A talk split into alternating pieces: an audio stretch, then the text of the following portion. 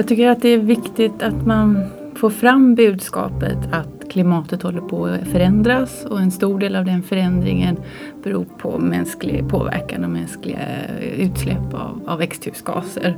Så det är väldigt bra att det uppmärksammas och att, att det får gehör. Klimat och hållbarhet är begrepp som det talas om i olika sammanhang och även så i universitetsvärlden. Forskaren Anna Rutgersson skapar klimatmodeller som bland annat visar hur balansen mellan hav och atmosfär fungerar. Det är viktig kunskap för att förstå dagens klimatförändringar. I sin roll som rektorsråd för hållbar utveckling så jobbar hon för att samla hela universitetets forskning. Forskning som ska bidra till att förbättra klimatet. Du lyssnar på Forskarpodden vid Uppsala universitet och det här avsnittet produceras av mig, Gunilla Styr. Vem är du? Anna Rutgersson. Jag är professor i meteorologi här vid Uppsala universitet vid institutionen för geovetenskaper.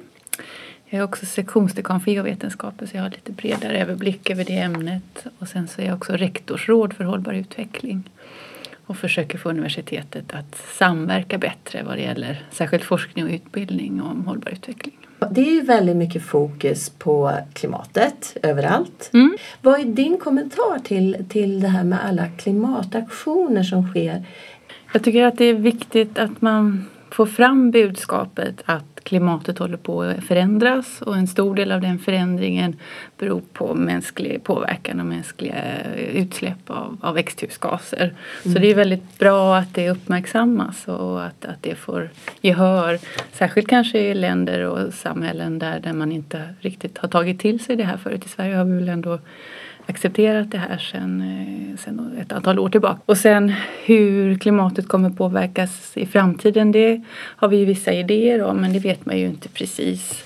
Och sen vilken effekt det har på olika samhällen det beror ju på hur man anpassar samhället till de här klimatförändringarna.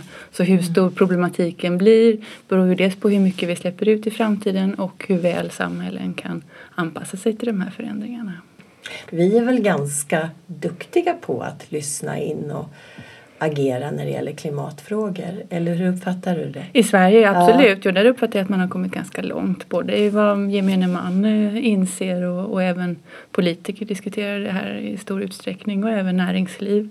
Det är många mm. företag som, som tar sig an de här problemen det värre i resten av världen kanske? Ja, ja precis. Det finns ju världsledare som, som inte, inte, vill, inte vill ta till sig forskarnas eh, resultat att, att det finns mm. mänskliga påverkan på klimatet. Så att, eh, det är klart att det ser mm. annorlunda ut på olika ställen. Du är professor i meteorologi vid mm. institutionen för geovetenskaper och forskar också om samspelet mellan atmosfär och havet. Vilken betydelse har det när det gäller klimatförändringar? Alltså när man pratar om klimatförändringar och klimatscenarier så använder man ju sig av globala klimatmodeller. Och de är ju hyfsat bra på att, mm. att uh, beskriva hur klimatet har förändrats och hur det kommer förändra i framtiden. Men de är inte jättebra. Man måste komma ihåg att det finns fortfarande ganska stora osäkerheter i de här modellerna. Så i vår forskning till stor utsträckning eh, jobbar vi med att förstå processerna i de här klimatmodellerna bättre så att vi kan förbättra klimatmodellerna. Och då är haven är ju en väldigt viktig del i klimatsystemet. Mm. Och hur hav och atmosfär då samspelar i klimatsystemet är en väldigt viktig roll. Så havet är ju en viktig del vad det gäller hur atmosfären rör sig och hur haven rör sig. Men de är också en väldigt viktig komponent i kolcykeln. Mm. För de tar ju upp en del av den koldioxiden som vi människor släpper ut. Så då är det viktigt att förstå hur mycket de tar upp och hur det i sin tur påverkar mm. haven. Så att haven är en väldigt, väldigt central eh, del i klimatsystemet. För en del av koldioxiden lagras i havet. Det ja. blir någon form av lagringsplats helt enkelt. Ja, vi släpper ut i atmosfären och en del stannar kvar i atmosfären och en del tas upp av växtlighet och en del tas upp av haven. Så det är ett system som, eh, atmosfär och hav är ett system som gärna vill vara i balans. Och nu mm. stör vi systemet med lite koldioxid och då måste systemet liksom ta hand om det. Och därför så har upptaget, koldioxiden av haven har ju ökat nu eh, mm. och ökar. Och vad innebär det för haven? Eh, ja, det finns ju en viss risk för, eller det ökar ju surhetsgraden i mm. haven då när man tar upp mm. koldioxid. Så det finns ju en, en viss risk, eh, särskilt för känsliga ekosystem, att de blir påverkade av den här eh, försurningen då av, av haven som, som det här innebär. Men ni har en mätstation i Östersjön? Mm. Ja, mätstationen i sig är kan man väl säga automatisk. så mätningarna görs, ja. görs automatiskt men vi måste ju åka dit ibland för att, för att uppgradera systemen och ja, reparera saker som går fel och så. Men, så min forskargrupp sitter i Uppsala men vi är ganska ofta på, vid mätstationen för att, för att se efter den. Ligger det på en ö någonstans? Ja eller? precis, det ja. finns en, en ö eh, öster om Gotland, Östergarnsholm, okay. så det ligger precis det är ju nästan i mitt i Östersjön om man tittar på en karta så att eh, det ligger precis eh, ut mot eh, öppna Östersjön. Den typen av mätningar som vi gör är ganska speciella så de kan man inte det krävs en del eh, infrastruktur för dem. Så i ideala fallet hade man ju gärna haft det på en plattform mitt ute i havet. Mm. Men, men eh, det är svårt att ha sådana plattformar. Så att nu mäter mm. vi precis i, kust, i kusten och då är förutsättningarna där så väldigt bra. För vi vill ju mäta vad vi kallar för öppet hav så vi vill inte ha vågor som påverkas av skärgård till exempel. Och, och här är förutsättningarna ideala nästan för det. För våra tillämpningar så är det en väldigt bra plats. Mm. Och den är vald för att den är bra. Ja, så vi har en 30 meters mast i luften och sen så okay. har vi bojsystem som mäter ner till, till botten eh, en bit utanför där. Så där är det 20 meter djupt ungefär. Oh. Så vi kombinerar de här oh. mätningarna i vattnet med dem. Så här långt, då kan man se några förändringar i den typen av mät, mätningar? Eh, vi kan ju se att, att eh, koldioxidkoncentrationen i vattnet har förändrats. Mm. Och, eh, att det blivit mer helt enkelt? Ja. Mm. Man ser ju ändå koncentration, även koncentrationen i luften, den, att den har mm. ökat. Det ser man ju också. Eh, sen så tittar vi ju i första hand kanske snarare än förändringar så tittar vi ju på processen. Alltså vi försöker förstå hur det här upptaget eller utsläppet av koldioxid som haven gör, hur det ser ut. Mm. Så att i första hand är det mm. inte, är det inte förändringar utan det är processerna som vi försöker förstå.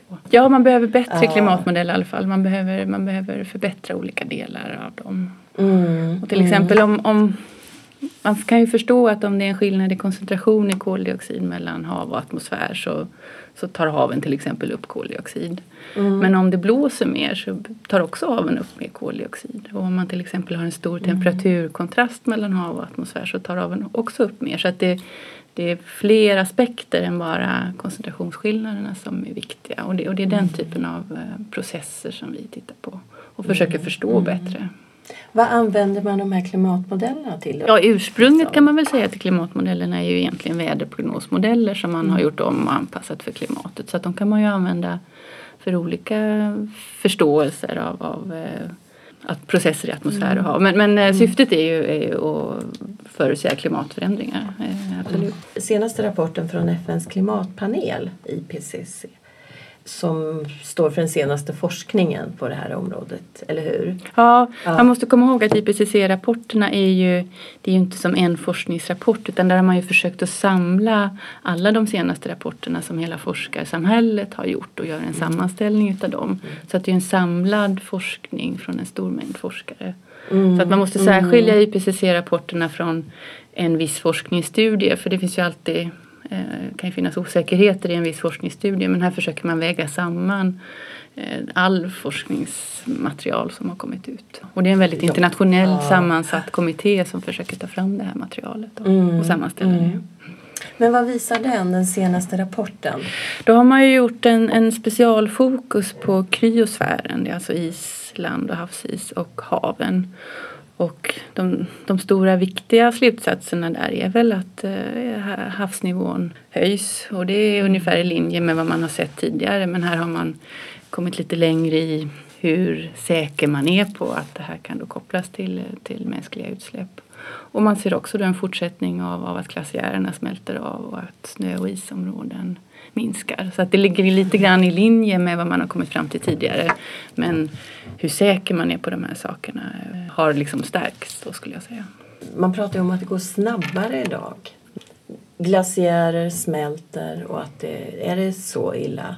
Ja, i viss utsträckning så kommer man väl fram till det. I viss utsträckning? Du tror inte riktigt att det är så? Eller? Ja, Alltså det finns, ja men glaciärerna smälter mm. och att den här rapporten, eh, det finns ju alltid en, ett osäkerhetsintervall beroende på vilken typ av scenarier man tittar på för framtiden. Så att, eh, kan man se några mönster eh, vad det gäller nederbörd i vårt land och går att koppla det till klimatförändringar? Ja, vad man kan titta på, om man tittar rent teoretiskt eh, så, så kan man visa att det troligen är så att torra områden blir torrare och eh, regniga områden blir regnigare. Det kan, eh, och det stämmer ganska överens med de nederbördsmönster som man har sett och särskilt om man tittar på scenarierna för framtiden att, att regniga områden där får man ökad mängd nederbörd och torra områden mm. får man minskad. Mm. Och, och, Sverige och norra Europa är ju ganska nederbördsrikt så där kan man ju säga ju scenarier att det blir mer regn, ja det, det blir mer nederbörd. Ja. Ja, eftersom det blir varmare ja. så, så, är det ju mindre det snö. Det blir mm. regn, ja. Mm. Men sen så kommer vi ju ha snö i stora delar av Sverige i framtiden också. Men, men mm. Eh, inte så stora delar som vi har idag. Mm. Och så måste man ju komma ihåg att det är ett system som är väldigt eh, variabelt. Mm. Så alla förändringar som sker och alla vädersituationer som sker kan man ju inte förklara med klimatförändringar. Utan man har ju liksom naturlig variation mm. som är då mm. överlagrat den här förändringen kan man mm. säga. Så att man måste komma det är två, två olika aspekter som, som finns med. jag tänker den här varma sommaren som var tidigare här och även i somras var det väldigt varmt i alla fall i södra Europa. Har det någonting som med klimatförändringarna att göra? Eller? Ja, den varma sommaren ja. som var 2018 har man ju visat på att, att man har svårt statistiskt så skulle det inte kunna varit en sån varm sommar för hundra år sedan. Mm. Så att den, den, är ju, den var ju extrem. Även i ett, ett förändrat klimat så skulle man ju beteckna den som, som extrem. Så att det är inte så att varenda sommar kommer bli som 2018 i framtiden i norra Europa. Så är det ju inte. Nej. Men den kan man väl säga är en mm. kombination mm. av naturlig variation och klimatförändringar. Om, man, om det blir så pass mycket varmare som man pratar om, mm. vad, vad, vad händer liksom? De stora problemen skulle man inte säga i Sverige. Nej. I Sverige kan man väl tänka att, att ja, en, en ökad risk för skogsbränder till exempel. Mm. Man, man märker ju redan nu förändringar i kustzonen i södra Sverige så, så stiger ju havsnivån. Så att eh, erosion och kustområden och, eh, och, och även översvämningar ja. i kustområden och översvämningar på grund av ökad nederbörd kan man ju tänka sig också. Så att det är väl i första hand mm. de förändringarna man kan förvänta sig i Sverige. Men sen har man ju andra mm. områden där man kan förvänta sig mer torka, Medelhavsområdet. Mm. Mm. Det finns väl en risk för att det blir ökad mängd torka. Så att det, man måste ju, för att kunna dra mer långtgående slutsatser så måste man ju titta på olika områden. Och så det här med mer stormar. Men det, många förklarar ju det med att eh, regnskogen skövlas, att det skulle ha en betydelse också i det stora. Ja, det här med stormar det är ju komplicerat och, och jätteintressant tycker jag. Ehm, det beror på vilka stormar man menar, om det är tropiska mm. cykloner eller om det är stormar i Atlanten till exempel. Vad man kan säga fram till nu så har man ju egentligen inte sett någon stor förändring på antalet stormar i, Atlanten eller norra Atlanten. Mm. Eh, och tittar man på scenarierna framöver så är det inte heller någon tydlig signal.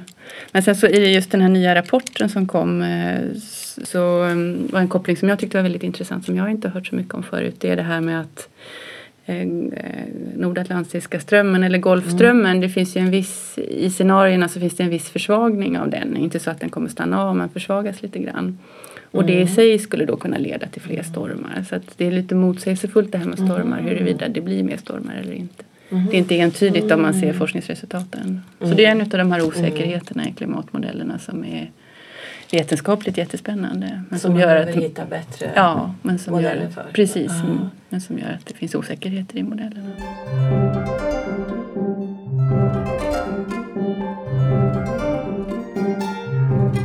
Tycker efter alla dessa år att man ändå skulle vara mer exakt i att förutsäga vädret. Men det är inte alltid så. Eller?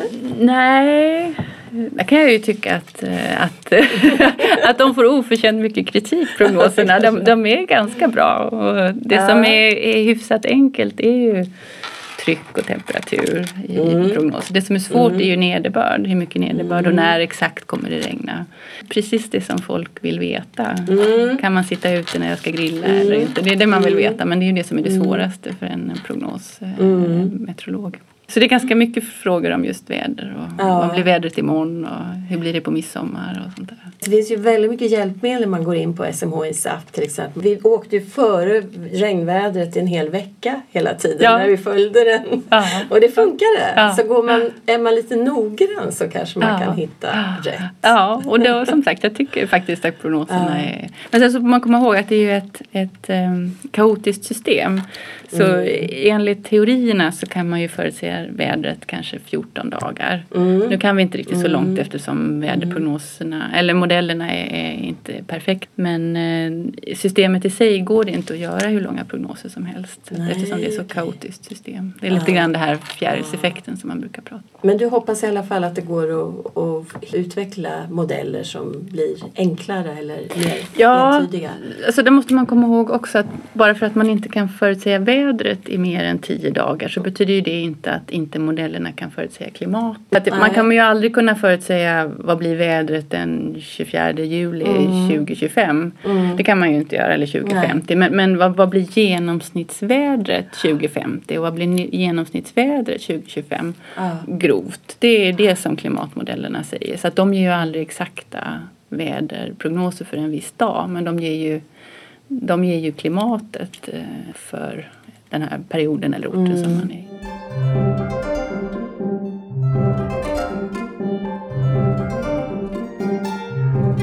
Jag tänkte, du är ju också lektorsråd ja.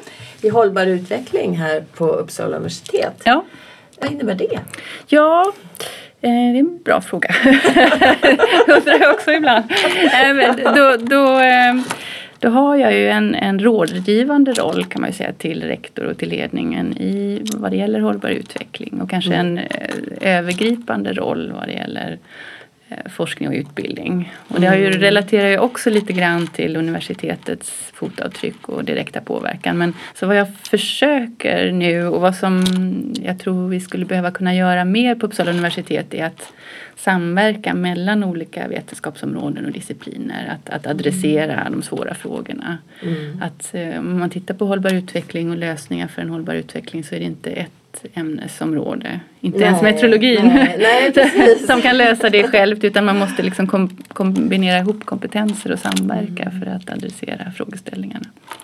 Och vi är ju ett excellent universitet, disciplinärt starka men, men mm. just kontaktytorna mellan olika områden är kanske inte det som vi har varit bäst på historiskt. Så att vi försöker mm. jobba med att hitta, hitta vägar för forskare att samverka bättre.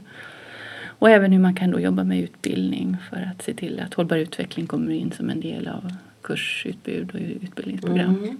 Hållbarhet har ju, det är ju verkligen ett ord som finns överallt. Ja, ja. Så det är liksom lite uppfordrande också samtidigt som det kan bli utslätande. Ja. Det är både och på ja. något vis. Ja, jag kände lite grann när jag började att det är svårt för hållbar utveckling. Det är ju lite grann allt och när det är allt så blir det liksom ingenting. Nej. Nej, så att då är det ju några specifika områden som jag jobbar i första hand med och sen så får man ju mm. Sen så är det ju inte jag som egentligen ska göra det här. Utan det är ju universitetet och strukturen inom universitetet så jag ska väl bara hjälpa till att hitta facilitera och hitta metoder där vi kan bli mer effektiva. Mm. Vi har ju definierat det här som vi kallar USI, Uppsala University Sustainability Initiatives, där vi ja. liksom fokuserar på några fokusområden där vi samlar forskare som, som är intresserade och aktiva. Det fokuserar mest ja. på forskning så tanken okay. där är att det ska leda ja. till starkare forskningsprogram där de kan samverka med varandra. Mm. Och sen kommer vi också fokusera mer på utbildningarna, hur man kan Tanken är att man ska se om man kan hitta metoder att utbildningarna kan samverka bättre med varandra för att kunna använda sig av en bredare kompetens. Det, vad, vad är det som är knepigast i det här arbetet? Eh, egentligen att hitta ut i universitetet och förstå var, var, de, var de relevanta områdena finns mm. och, få, mm. och få människor att, att hitta varandra. Det är väldigt många forskare och lärare som, som vill det här men just att hitta tid mm. för att göra det och, och att, att hitta eh, hitta folk. Ytorna liksom, hitta kontaktytorna, ja precis. Ja. Och, Och definiera vad hållbarhet är inom sitt eget område. Ja. Kanske inte är helt lätt alla gånger. Nej.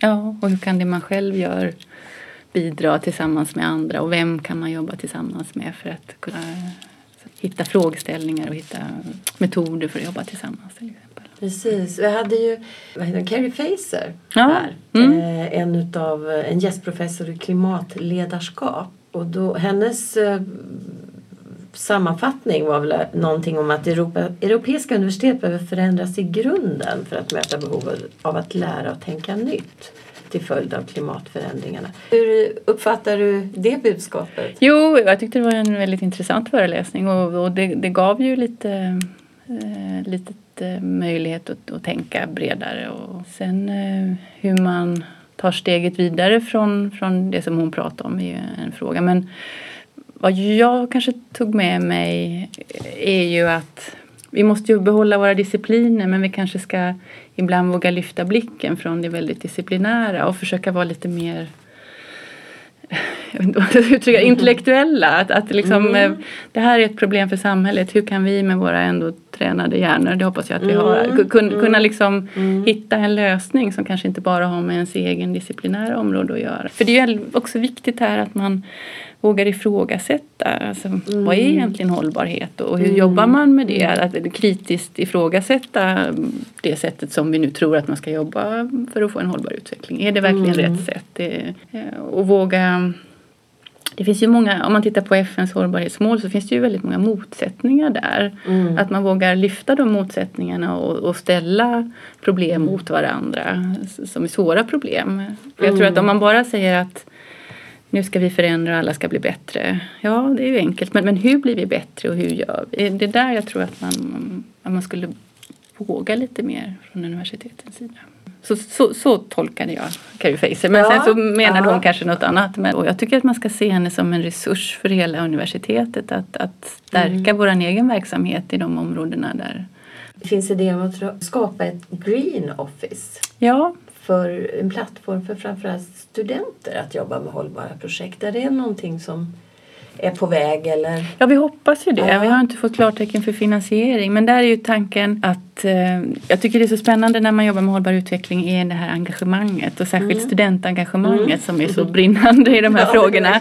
Och då, då att kunna, kunna använda oss av det och kanalisera det. Och det finns ju redan vad det gäller utbildning utbildningar på olika sätt, att studenterna påverkar sina egna utbildningar. Men, men här hoppas vi att kunna eh, titta på campusprojekt. Eh, okay. hur, hur, kan studenter hjälpa till att jobba med campusprojekt? Eh, lite grann eh, tillsammans då med, med miljöavdelningen, att, att kunna använda oss av studenternas engagemang och titta på hur kan man göra bättre möjligheter för att cykla mm. eller, Precis. eller göra ja. rena kartläggningar. Vad är det egentligen som, som står för de stora koldioxidutsläppen? Ja. Vilka delar av verksamheten? Ja. Att, att kunna göra sånt som, som inte hinns med i, inom den vanliga verksamheten. Många är ju så engagerade i de här frågorna också så det är väldigt spännande. Mm. Och, och, nu ska det här, eh, det har delvis redan presenterats för ledningen men det ska, vi ska göra det nu under oktober. Så får vi se om man och hur man tar det steget vidare sen.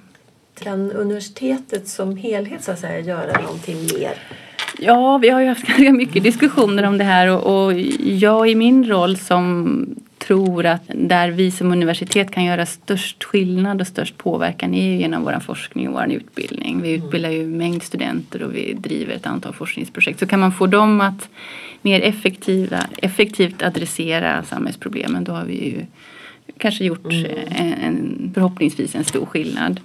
Men sen så tror jag också för att vara trovärdiga i det arbetet så behöver vi också titta på våra eget klimatavtryck till exempel. Så vi behöver eh, jobba med våra egen påverkan och vår egen, hur vi själva eh, agerar i en hållbar utvecklingsperspektiv också. Så att, mm. eh, frågorna är ju kopplade och vi behöver titta på båda, alla mm. de här delarna tror jag. Mm. Jag tänker mer konkret sådana här saker som att vi reser väldigt mycket. Och... Alltså jag, tror att, ehm, jag tror att universitetet kan inte fortsätta den verksamheten vi har utan att resa. Så vi måste kunna fortsätta resa. Men jag, jag tror mm. att man, man borde, alla medarbetare borde, borde ta ett steg tillbaka och fundera på på sina resor. Är det verkligen nödvändigt att göra alla de här resorna? Mm. Så kanske man kan minska mm. lite grann. Och så kanske man kan resa mer klimatvänligt i några av sina resor. Mm. Och så kanske universitetet också kunde jobba med att uh, göra det enklare att ha resfria möten till exempel. Mm. Jag tror att det finns att mm. göra för oss som individer men det finns också strukturella saker som universitetet kan göra.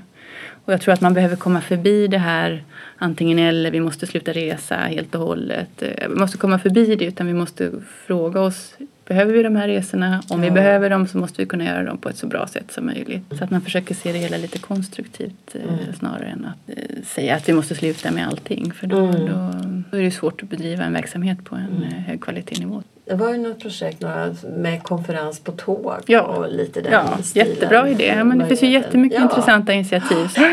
Vad gör du själv för att leva hållbart? Jag hoppas att den största nyttan jag gör är genom mitt jobb.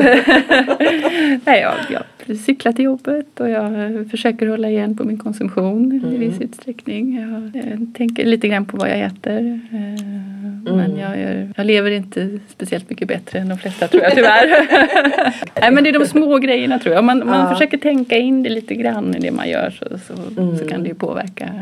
Det individuella ansvaret, visst det bör man ju göra men jag tror att man måste, man måste ändra strukturerna. Det, det måste vara, mm. måste vara lätt att göra rätt som vi så gärna Precis, säger. Så, så, att, ja. att, man, man ska liksom ja. inte man ska inte behöva välja hela tiden utan det ska, mm. ska tror jag. Jag tror att det är mer mm. effektivt än att bara att det faller tillbaka på individen hela tiden. Jag tycker i alla fall i Sverige att det händer mycket och att det är fokus på frågeställningarna och problematiken och jag tycker i viss utsträckning att politiker och samhällssystem och näringsliv börjar eh, tänka i de här banorna och börjar lyssna. Sen så får man ju då inse att eh, de koldioxidutsläpp som vi har gjort och som vi gör kommer påverka klimatet och kommer påverka hur samhällena ser ut i framtiden och kommer påverka människor. Så det gäller ju också då att man kan, eh, kan ha beredskap för att anpassa sig till de förändringarna och att man kan stötta sådana länder som, som har mindre resurser att anpassa sig till förändringarna och som kommer också uppleva större problem. Så att, eh, försiktigt mm. positiv får jag säga att jag är.